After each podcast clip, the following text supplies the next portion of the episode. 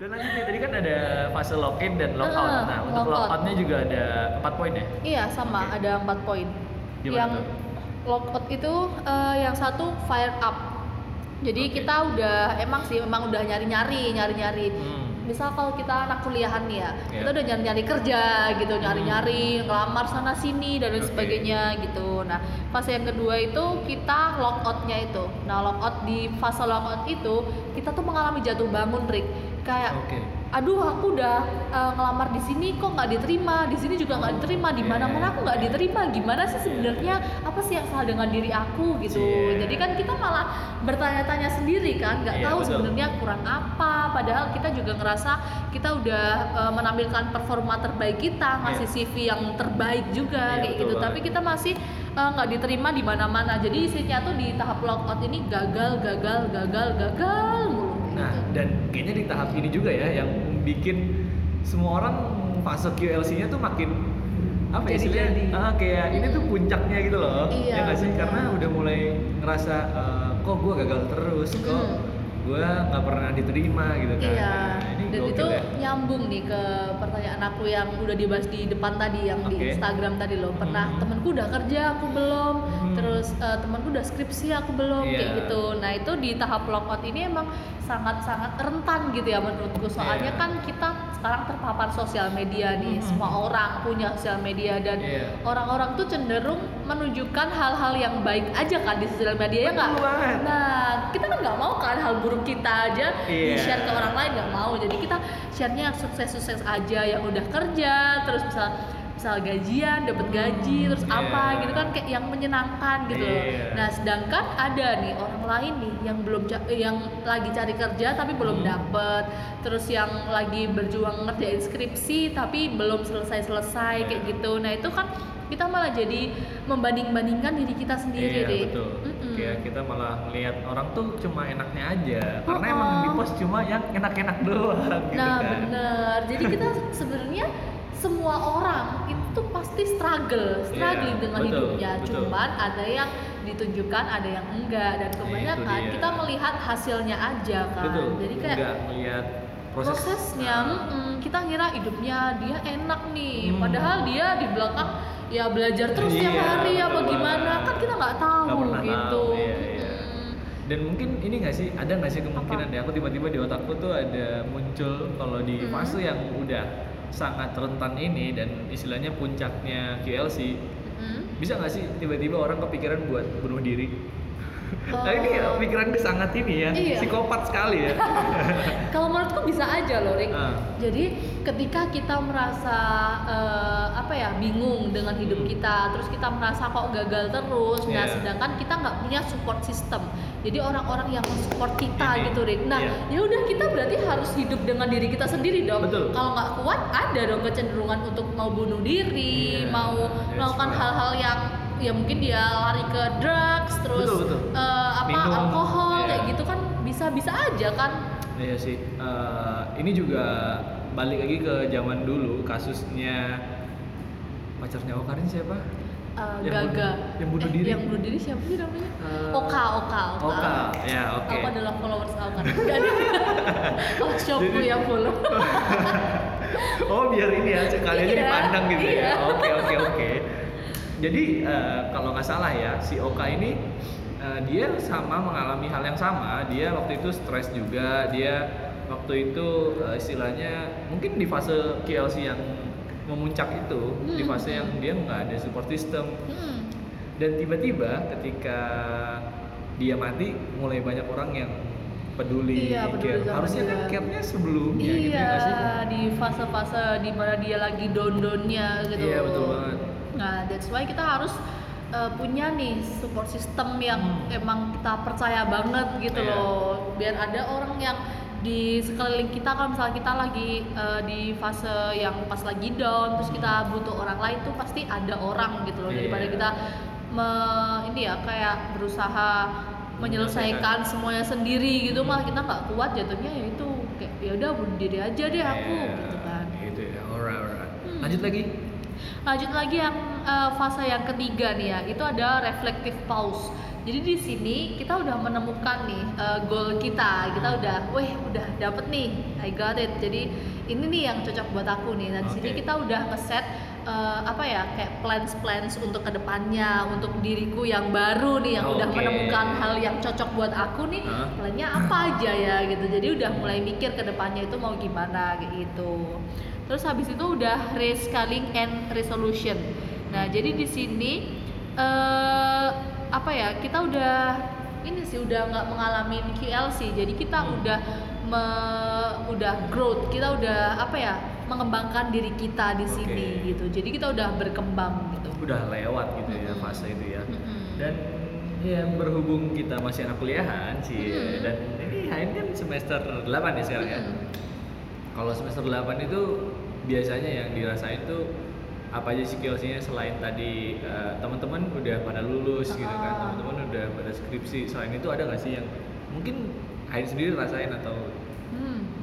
Kalau Orang lain gitu. apa ya? Ya mungkin ya seputar itu sebenarnya. Teman-teman udah lulus, teman-teman Ah. udah sidang, teman-teman udah ini eh, apa udah kerja gitu ya. Aku kok belum kayak Oke. gitu. Sampai-sampai eh, di Twitter nih ya, teman-temanku tuh Cie. sekarang sering nge-tweet nih. Pokoknya mereka tuh pada bilang kalau kita tuh punya proses sendiri-sendiri gitu. Kita Iya, punya jalan sendiri-sendiri. Ibarat ngerjain skripsi ya. Ngerjain skripsi itu ya tergantung sama berbagai macam hal. Tergantung pembimbingmu susah ditemuin apa enggak. Tergantung Iya. subjekmu itu orangnya terbuka apa enggak. Betul, betul. Tergantung subjekmu bisa dicari susah dicari apa enggak. Kayak gitu Hmm. sebenarnya banyak hal juga kan ya yang membuat kita itu kayak masih stuck di situ-situ aja. Hmm. Cuman orang lain, orang lain kan nggak mau tahu ya ya gimana. Iya, betul. Ya mungkin ada orang kita ngupload nih. Di Instagram gitu ya ada orang yang pendadaran gitu selamat ya nanti bakal di replay kamu kapan kamu kapan kamu Itu kapan kamu dia. kapan Nah, netizen kan nggak mau tahu gimana prosesnya kita gimana Iya. dosbing kita gimana subjek kita gitu nggak mau tahu jadi kita terlalu memikirkan apa ya hal yang dipikirin orang lain gitu loh Hmm, Oke. Gitu. Dan kalau ini aku dapat dari ini sih website IDM Times gitu Hmm. kan. Eh, kalau di masa-masa kuliah tuh ada beberapa kayak hal yang bikin kita menjadi QLC gitu kan sih. Mm-mm. Jadi yang pertama tuh bimbang belum lulus. eh, oh, bimbang belum lulus. Terus dan juga Ah. bimbang kerja atau S2. nah itu juga sih benar-benar Kalau Hain S2? bimbang juga kayaknya QLC juga nih kerja Oke, oke, atau oke. S2 gitu Oke, itu ya itu juga hal ya. yang oh, sih harus dipikirin matang-matang juga sih kayak Oke, gitu tuh terus eh, kamu ingin mandiri atau tidak lagi jadi beban keluarga? Tapi ya itu kita masih tapi belum, lulus belum dapat lulus. kerja Betul. bener Terus ada juga ada rasa takut kalau kamu itu nggak bisa sukses.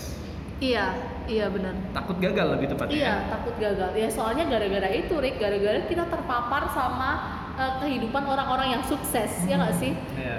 Kalau jadi kalau menurutku sebenarnya kisah-kisah sukses seseorang itu Iya. bisa jadi momok bagi diri kita nggak sih? Kayak Iya, dia kok betul. sukses banget ya, cuman kayak gini sukses tapi kok aku susah banget gitu. Betul, Nah, betul, coba betul. dong kadang-kadang kita tuh butuh juga kayaknya kisah gagal seseorang gitu nggak sih? Biar Betul. seimbang, biar kita Iya. nggak lihatnya sukses-sukses doang, enak-enak doang, tapi kegagalannya itu juga harus dibahas Ada. gitu loh. Iya, Jangan betul. yang enak-enak aja. Betul yang gagal-gagal juga perlu belajar dari situ ya nggak sih?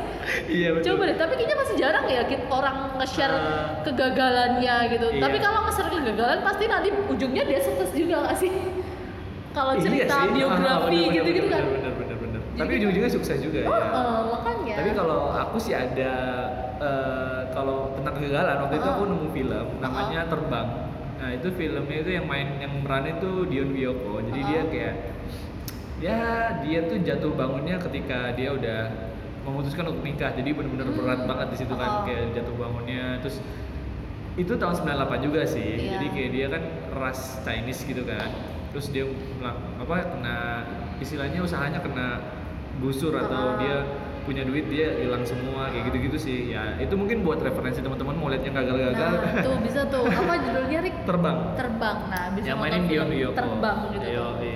Terus ada juga eh, kamu mulai bertanya-tanya nih, hidup macam apa sih yang ingin aku jalanin? Iya nggak? Hmm, hmm, Eh, mulai mikir kayak ya tadi kita cocoknya di mana, Nah, style yang benar. kayak gimana nih hidup kita ya Iya. nggak? soalnya juga ya ini juga sih Rick. Banyak kan ya orang yang hidupnya kayak gini kayaknya enak nih. Terus ada juga yang hidupnya kayak gini wah kayaknya enak nih. Aku pengen yang kayak itu deh apa kayak itu ya? Kayak gitu kan. Oh, jadi iya, kan iya, ya, iya, iya. sebenarnya kita tuh hidup di zaman sekarang terlalu banyak pilihan gak sih? Iya betul banget. Kayak mau makan aja juga banyak banget pilihannya gitu. Nentuin hidup juga banyak banget pilihannya. Banyak banget role model kita gitu kan. ah betul. Malah Ah, bingung. apa namanya ya? Mungkin aku ini sih aku ngelihat Raditya Dika ya Hmm. kayak dia tuh mulai hidupnya mungkin karena dia udah dapat semuanya kan jadi Ah. dia mulai hidupnya kayak lebih casual aja lebih santai aja jadi kayak ke mana-mana pakai kaos sama Iya. celana pendek gitu kan dia sekarang ya mungkin itu bisa jadi pilihan jadi Ah. kita udah punya pilihan buat style hidup kita tuh yang santai aja secukupnya istilahnya tuh kayak ya tadi teman-teman lain kan juga banyak yang bilang kayak bersyukur aja gitu Ah. kan nah itu mungkin bisa jadi jalan pilihan hidup kamu ya Iya. Terus terus ada juga kamu sedih karena sadar kini teman-teman kamu makin berkurang. Wah Hmm. ini dia yang tadi uh, support system tadi ya. iya support system. Teman-teman di umur kayak gini itu semakin dikit atau semakin banyak menurut Hain? Ya semakin dikit lah. Tapi semakin dikit itu kita berkualitas gitu loh. Jadi yang bener-bener temen itu yang stuck sama kita terus gitu loh. Jadi kan kalau dulu nih ya SMA kita belajar SMA SMA nih temennya banyak. Ikut Iya. geng ini geng ini geng Betul, ini betul, banyak betul, kan. betul, tapi betul. sekarang sampai kuliah kuliah itu yang yang sering ketemu ya cuma itu itu aja. Yang masih sering kontakan cuma itu itu Iya. aja gitu. Tapi menurutku itu nggak apa-apa it's okay gitu. Oke. kita nggak perlu banyak temen terus di mana-mana ada temen. Tapi temen itu apa ya kayak temen yang bukan bener-bener temen untuk kita gitu. Dia Iya. cuman pengen tahu kita gitu misal keadaannya gimana Iya, gitu. Iya, tapi iya, iya, eh, nggak mau ngasih solusi ke kita atau nggak mau support kita kayak gitu. Istilahnya dia eh, nggak bisa jadi pendengar kita ya nggak sih? Iya benar betul ya. Dan- jadi mending Hah? punya teman yang ya bisa dengerin kita gitu. Betul. walaupun jumlahnya sedikit tiga atau dua gitu cukup. Iya sih benar benar benar. iya Eh, tapi menurut aku ya hmm. temen banyak itu bagus sih Hmm. karena seenggaknya aku mikir ini sih karena aku di manajemen kayak pikir bakal ada relasi gitu oh Ya ya sih mungkin dia bisa jadi teman kerja kita Hmm. atau mungkin dia yang ngasih kerja kita kan kita nggak tahu. Iya, tapi gitu bener sih Rick. Tapi kalau ngomongin tentang support system, nggak bakal semua orang bisa jadi support system kita gitu. Oh, Kalau menurutku, iya. kalau support system itu emang cuman orang-orang tertentu doang gitu. Nggak semua orang di circle kita tuh bisa jadi support system gitu. oke Tapi kalau hubungannya sama uh, relasi itu Ah. ya ya bener, Ya, benar. bener. Oh, jadi istilahnya kalau di episode sebelumnya aku bahas di um- yang umur 20-an itu Hmm. tentang temen akrab dan gak akrab ya nggak sih? Hmm, hmm. Jadi kayak yang akrab tuh yang, yang mungkin yang bisa jadi support system Iya. kita. Kalau yang gak akrab mungkin cuma jadi relasi ke depannya. Iya, uh, Mungkin kalau jadi relasi ke depannya bisa jadi akrab. ya akrabnya Iya mungkin di masa depan gak sih? iya, akrabnya mungkin di pekerjaan gitu ya. Iya. Dan ada lagi makin sepinya hidup membuatmu rindu pada masa kuliah dan masa SMA. Mungkin ini orang yang udah kerja kali ya. Mm-mm. Masa kuliah, kita masih kuliah. Tapi orang kuliah juga rindu SMA gak sih? Iya. Lo rindu gak? Iya kan? Aku hmm, karena SMA aku nggak begitu apa ya orang apa jadi SMA aku tuh dikit Oh, orang-orangnya oh. jadi satu kelas cuma berapa ya 20 apa Heeh. jadi sedikit banget dan itu cuma tiga kelas jadi ya rindu nggak rindu biasa aja sih lebih biasa aja lu biasa aja. Ah. Kalau aku rindu banget sih. Jadi SMA tuh kayak masa-masa yang fun gitu loh. Isinya tuh kayak Ah. seneng-seneng doang gitu. Mikir juga nggak nggak mikir-mikir banget gitu kan. Hmm. Mikirnya bisa aja gak sih kan seputar UN Oke, oke. paling. Iya itu itu itu sih mikirnya ya Iya. UN sama SNM, SBM. SNM, Tapi itu stres juga deh ngaku. SNM, SBM soalnya gagal. Waduh, jujur sekali. Apa aku nulis cerita gagalku ya? Cerita gagal SNM, SBM.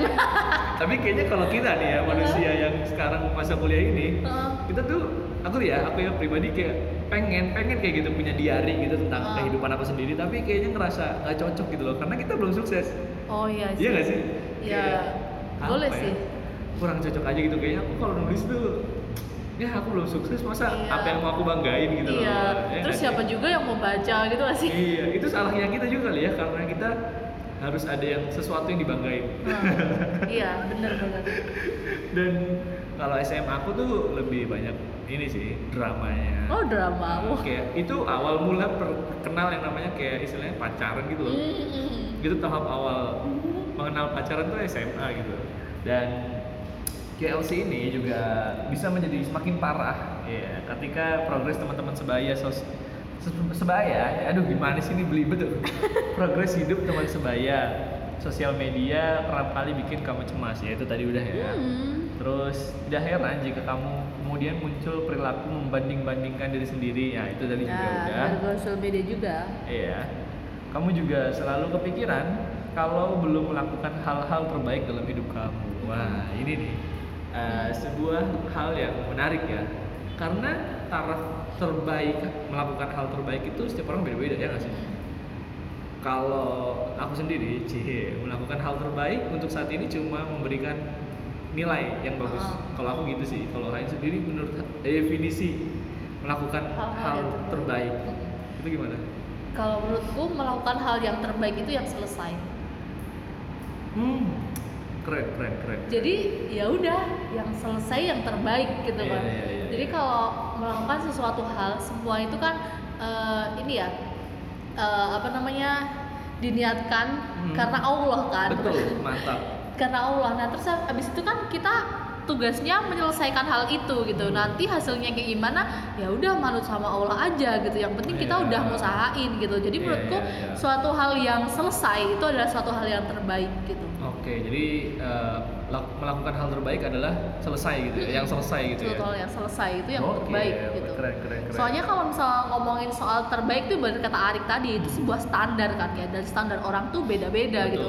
Bisa jadi aku eh, misal kuliah dapat nilai B itu menurutku udah terbaik loh, tapi mungkin Iya. menurut Arik nilai A itu yang terbaik, B itu Iya. belum terbaik kayak gitu. Iya, Jadi betul. Jangan membanding-bandingkan standar terbaik kita itu dengan orang lain gitu. Soalnya kita emang Iya, beda gitu betul loh. banget. Dan sekarang itu ada otakmu sering kali terpenuhi pertanyaan, kenapa aku lahir dan untuk apa? Untuk apa aku harus hidup di dunia ini? Wah Hmm. ini lebih ke agama ya nggak sih? Iya bener. QLC terhadap cie kepercayaan gitu Iya. ya nggak sih ini kan sebelumnya ya jadi cerita sedikit nih sebelumnya kita udah tag QLC Heeh. bareng teman kita Gani cuma karena menurut aku eh didengar kayak kurang cocok aja Heeh. kita ngebahas itu terus aku bikin setlist terus kita benerin lagi si Hmm. QLC kita retake lagi dan dia juga nanya QLC bisa nggak sih terjadi terhadap kepercayaan kita gitu menurut Ain ini gimana nih Ada. Dan tapi kalau misal mungkin di Indonesia itu Hah? Jarang kan ya, Hmm. jarang ada gitu. Tapi tetap ada, apalagi di luar negeri gitu ya, yang mungkin iya. eh, masih belum percaya sama Tuhan gitu kan mereka. Kalau kita nih ya hidup di Indonesia gitu, Iya. kita dari awal agamanya udah A gitu. Nah, Oh, iya, terus iya, kita ya udah ngelanjutin agamanya A. Terus kalau ditanya, lah kamu kenapa milih agama A? Soalnya dari lahir aku A sih gitu gak sih?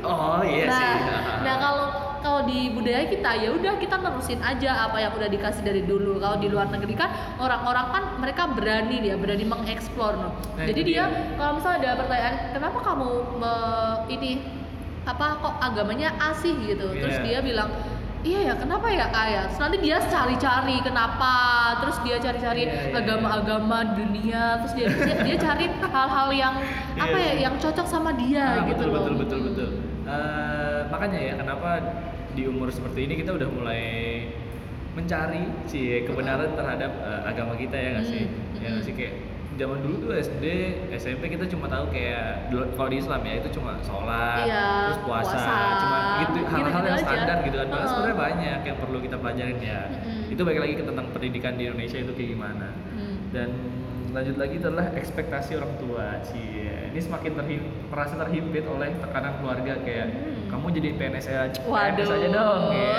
kapan lulus kapan nikah pacarnya mana kayak gitu kamu kerjanya yang mapan aja Hmm. cie kayak gitu gak sih Iya sih. kalau aku ya Gimana? jadi kemarin itu ada sebuah hal yang mengejutkan Hmm. Kan aku sekarang ini ya udah ngambil konsentrasi. Kalau di manajemen tuh konsentrasinya ada tiga ada SDM pemasaran sama keuangan. Terus aku milih SDM kan. Terus eh, aku bilang bun Arik ngambil SDM nih. Eh, oh ya udah bagus. Eh, terus kira-kira prospek kerjanya gimana? Wah Nah, langsung ditanyain gitu ya. ditanyain padahal dari dulu nanyain ke temen-temen anak psikologi aku tanya prospek kerja gimana? Ternyata di rumah malah ditanyain ibu aku. Iya kan biasanya kalau bikin podcast kan nanyanya prospek kerja. Iya, bisa itu gimana? gimana sih, sekarang gitu. malah ditanya balik. Ya udah akhirnya ya itu aku ta- aku taunya eh, yang aku tahu juga emang manajer SDM atau jadi HRD sebuah perusahaan gitu sih. Oke. kalau Hain sendiri gimana nih pengalamannya?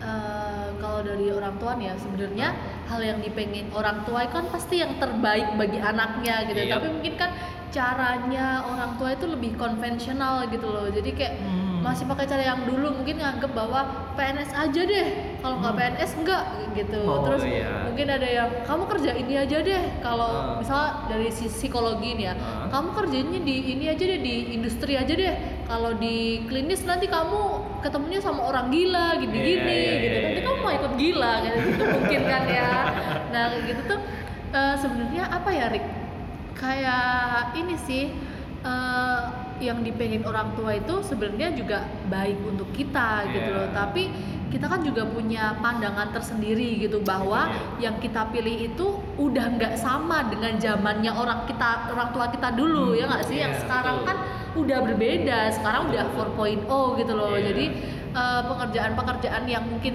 bakalan kita pilih itu orang tua kita belum tahu prospeknya gimana. Jadi tugasnya kita ya kayak ngasih penjelasan aja sih Iya. wah ini sekarang dunia kerja itu ada yang namanya ini loh. Nah ini nanti kelebihannya kayak gini-gini kekurangannya kayak gini-gini. Nah habis itu kita baru lebih baik sharing sama orang tua jadi enaknya gimana? Gitu. Soalnya kan sama-sama mendapatkan pandangan dari dua sudut yang berbeda. Orang tua pengennya ini kita pengennya ini. Tapi sama-sama menjelaskan gitu. Dari situ kan nanti bakalan dapat apa ya point of view baru. Sebenarnya eh, lebih baik tuh harus kayak gimana gitu daripada Iya. cuman nyuruh doang nggak ada penjelasannya nggak tahu sekarang lapangannya tuh kayak gimana kan ya Iya, sama betul, aja betul, kan betul betul banget ya udah jadi intinya kita harus punya ini ya tetap punya plan ke depannya buat kita kerja di mana gitu kan Mm. terus kita ngejelasin juga ke orang tua kerja ini tuh kayak gimana gimana gimana Heeh. Oke, tapi nih ya, itu kan tadi sebuah kekesalan dari diri kita ya. Hmm. Walau kadang kesal pada keluarga, sebenarnya kamu ingin membuat mereka bangga dan bahagia. iya tetep kan Iya. Terus ada rasa takut kalau kamu tidak bisa sukses ya itu tadi ya, kalau Mm. gagal gitu gimana. Nah, Heeh. ini ada pertanyaan menarik nih ya sih untuk bridging ke episode selanjutnya. waduh jadi episode selanjutnya adalah ada gak sih ini kira-kira yang eh, orang yang nggak mengalami fase QLC karena dia waktu kecilnya tuh dididik dengan baik sehingga dia tidak merasakan QLC sejak umur 20-an dan seterusnya.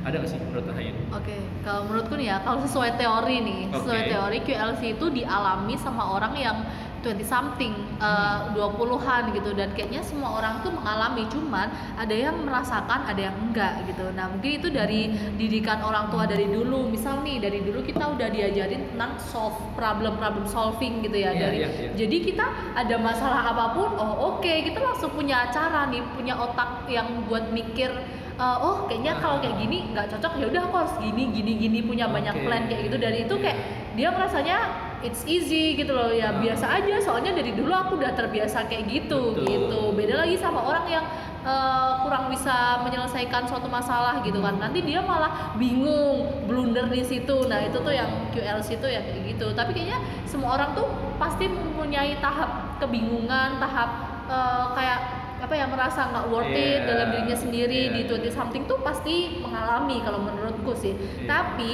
eh, bedanya ada yang merasakan sama yang nggak merasakan aja. Oke, betul banget ya. Dan sekarang kita eh, nanti kan bakal ngomongin pendidikan anak sama seseorang yang lain sih, Waduh. bukan sama Hayin lagi biar kalian tuh Tapi masih tidak- di psikotraksi. Iya, masih tentang psikologi, tapi bahasnya tentang pendidikan anak gitu ya. Nanti dengerin aja episode selanjutnya dan oh iya, eh, ini kita udah sampai tahap terakhir sih, di mana cara mengatasi QLC itu sendiri itu gimana ya menurut Haid Oke. sih? Kalau menurutku nih Arik ya, Iya. cara pertama